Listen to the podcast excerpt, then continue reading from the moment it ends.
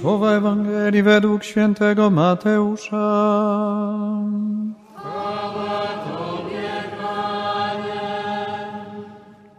Jezus powiedział do swoich apostołów: Miejcie się na baczności przed ludźmi, będą was wydawać sądom i w swych synagogach będą was biczować, nawet przed namiestników i królów będą was prowadzić z mego powodu na świadectwo im i poganom. Kiedy was wydadzą, nie martwcie się o to, jak ani co macie mówić. W owej bowiem godzinie będzie wam poddane, co macie mówić, gdyż nie wy będziecie mówili, lecz Duch Ojca waszego będzie mówił przez was. Brat wyda brata na śmierć i ojciec syna. Dzieci powstaną przeciw rodzicom i o śmierć ich przyprawią. Będziecie w nienawiść u wszystkich z powodu mego imienia, lecz kto wytrwa do końca, ten będzie zbawiony. Oto słowo Pańskie.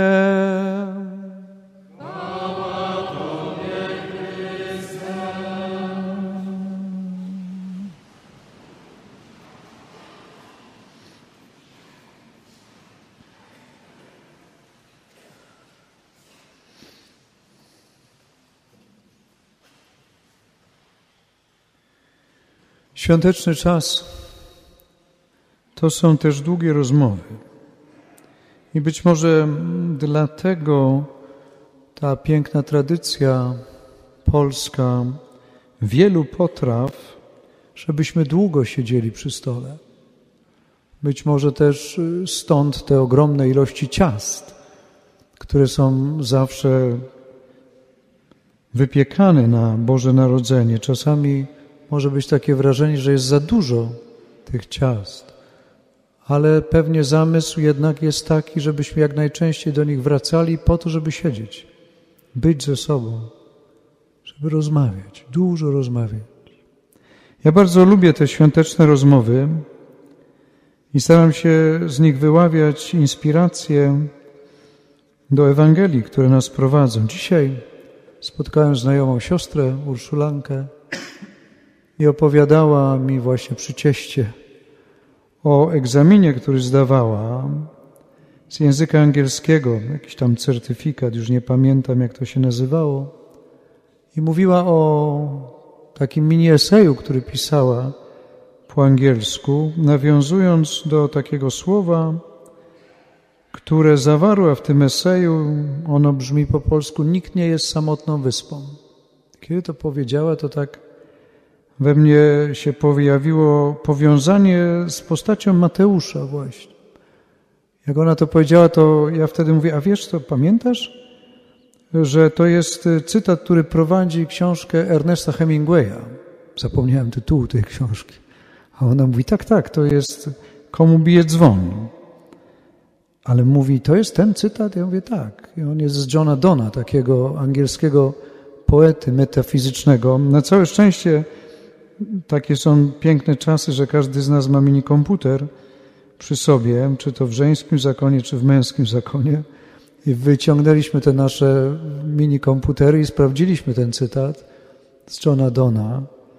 Żaden człowiek nie jest samotną wyspą. Każdy człowiek stanowi ułamek, ułamek kontynentu, część lądu i potem jest tam o tym, jak byłoby wielką stratą, gdyby Ciebie nie było.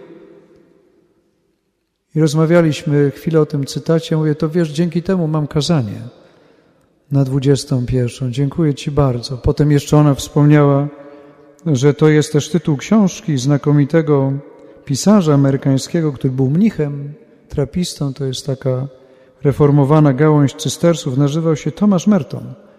I on właśnie jeden ze zbiorów swoich pism duchowych opatrzył tytułem Nikt nie jest samotną wyspą. Jak mi się to łączy?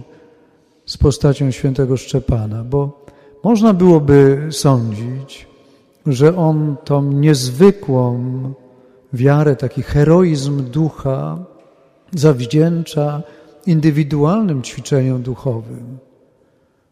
I czasami tak bywa, że Duch Święty interweniuje tak wyjątkowo, ale to jest bardzo rzadka droga, że obdarza człowieka właśnie w takim samotnym spotkaniu czymś tak zupełnie wyjątkowym, co się objawia w świętym Szczepanie, że umierając mówi nie poczytuj im tego grzechu, że jest tak podobny do Pana Jezusa. Ale częstsza droga jest drogą naturalną.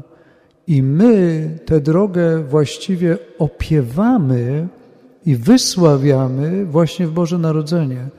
To znaczy, że Słowo stało się ciałem, to znaczy przyjęło to, co ludzkie, przyjęło naturalne elementy życia człowieka, przemieniając je i uwznieślając. W związku z tym staram się zobaczyć również te słowa Johna Dona użyte przez Ernesta Hemingwaya, użyte przez Tomasza Mertona, nikt nie jest samotną wyspą, w odniesieniu do Szczepana. I próbuję zobaczyć wspólnotę, więzy i relacje, które stworzyły tego człowieka, dzięki którym on jest tak piękny, jaki jest. I może pamiętacie, bo to jest też początek dziejów apostolskich, gdzie święty Łukasz zapisał drogi pierwotnej wspólnoty, że takim zadziwieniem ludzi, którzy patrzyli na chrześcijan, było spostrzeżenie zapisane w słowie, jak oni się miłują. Jak oni się miłują. I teraz co to znaczy, jak oni się miłują? I tu pozwolicie, że inny cytat to też cytat, który mnie bardzo zainspirował. Ktoś mi przysłał życzenia. No i właśnie tam był cytat z mojego znajomego, przyjaciela, księdza. I te słowa brzmią tak, one uzupełniają ten wątek, nikt nie jest samotną wyspą i to, że Pan Bóg Syn Boży stał się człowiekiem, przyjął to co ludzkie i przemawia do nas przez to co ludzkie, przez zwykłe więzy, uwzniaślając jej, że my się uczymy Boga, doświadczamy Go przez to, co jest naszymi więzami i relacjami. Te słowa brzmią tak, poprzez to, co ludzkie, idziemy do tego, co Boże. Poprzez to, co ludzkie, idziemy do tego, co Boże. Kto nie potrafi być ludzki, serdeczny, życzliwy, i bezpieczny, ludzki, serdeczny, życzliwy, bezpieczny, nie zdoła wejść w przestrzeń zdrowej duchowości.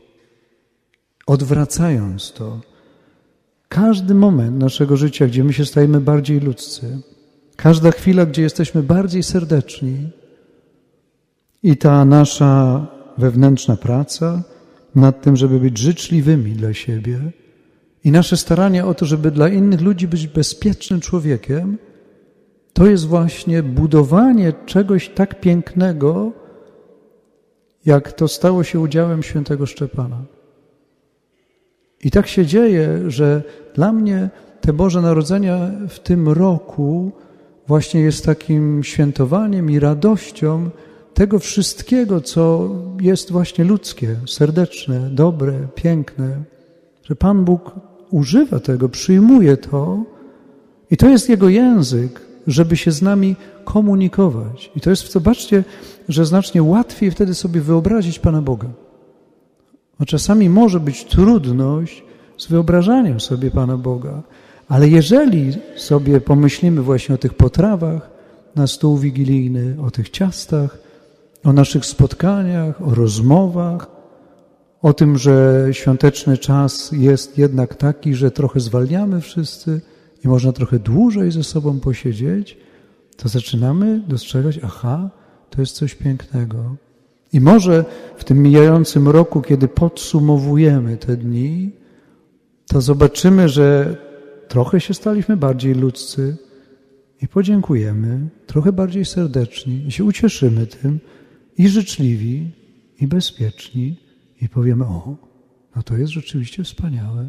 To tak jak ze świętym Szczepanem, który stawał się taki dzięki więzom i dzięki wspólnocie. I to jest też y, przejście do słowa Jezusowego. Też znowu można byłoby je czytać w takim wyseparowaniu, że jak będziecie wydani przed ludzkie sądy, no to nie martwcie się, co macie mówić, bo Duch Święty będzie mówił do was. On da wam mowę, której nikt nie będzie się w stanie oprzeć. Taka jest inna wersja tej Ewangelii. No i znowu można byłoby tak wyobrażać sobie, że człowiek jest taki osamotniony i w jakiś sposób specjalnie Najwyższy do niego przemawia, Ducha Świętego posyłając, ale znacznie częściej naturalna droga, i takie są świadectwa pierwotnej wspólnoty chrześcijańskiej, jest taka, że jak ktoś był uwięziony z powodu prześladowań chrześcijan, to cała wspólnota się angażowała, żeby być blisko na różne sposoby. Również w ten sposób, że dawali łapówki, żeby przekupić strażników, żeby przynieść jedzenie, żeby się dostać, żeby się widzieć, żeby być blisko. I ci ludzie, którzy byli wytrwali w wierze, stawali się takimi właśnie, Duch Święty był w nich dzięki temu, że bracia i siostry przychodzili, pamiętali, uśmiechali się, pisali listy, dodawali otuchy. To jest ta cudowna tajemnica Szczepanowa, to jest ta cudowna tajemnica wzajemnych relacji, więzów, tego, że jesteśmy razem. To też bardzo pięknie jestem wzruszony i ojciec Roman też wami się bardzo cieszył z holą na 21. To jest niezwykłe. Ten śpiew, on nam wszystkim dodaje otuchy. On nas podnosi. Moc, która jest w głosach, sprawia, że nam wszystkim się też chce bardziej śpiewać. To też jest tajemnica wspólnoty. No właśnie, że dzięki temu, że są ludzie, którzy pracują, którzy się poświęcają, którzy przychodzą trochę wcześniej, nam wszystkim jest trochę, może nie tyle łatwiej, ale bardziej wspólnie w modlitwie. Bardziej jesteśmy podniesieni, dodaje to nam otuchy. Bardzo za to dziękujemy. Cieszymy się. To jest ten ludzki aspekt, który nam wszystkim jest bardzo, bardzo potrzebny. I kończę też wyobrażając sobie znowu, bo to jest w skrócie, zawsze pismo jest skrótem, tak jak poezja. I my możemy w tych skrótach zobaczyć właśnie wspólnotę szczepanową, domyślać się więzów, relacji ciepłych, dobrych, ludzkich, serdecznych, bezpiecznych. I możemy się jeszcze domyślać czegoś więcej, ponieważ Szczepan powiedział, patrząc na Szawła, nie poczytaj im tego grzechu. Tak się kończy to dzisiejsze opowiadanie. My wiemy, że ten Szaweł za chwilę będzie miał na imię Paweł. I że ten Paweł to jest apostoł narodów, to jest ten sam człowiek. Ale teraz sobie wyobrażamy w Duchu Świętym przez wiarę, że żeby Szaweł stał się Pawłem, to musiał być przyjęty nie tylko przez Szczepana, ale przez całą wspólnotę. Czyli, że to jest opisane w dziejach apostolskich, jak Ananiasz po niego idzie, jak on doznał widzenia pod Damaszkiem i spotkał zmartwychwstałego Jezusa, on jest potem przez Annasza przyprowadzony do wspólnoty. I braciom jest bardzo ciężko. Oni mówią, przecież to jest ten, który ma krew na rękach. I teraz przyjąć do wspólnoty kogoś, kto ma krew na rękach, u, to jest bardzo trudne. A jednak to się stało. Bracia byli inspirowani tą wzajemną miłością, więzami serdecznymi, ludzkimi, dobrymi, ciepłymi, bezpiecznymi, do tego, żeby dokonać czegoś tak zupełnie niezwykłego, żeby przyjąć do swojego grona kogoś, kto pozbawił życia jednego z naszych bliskich. I dzięki temu przyjęciu Szaweł stał się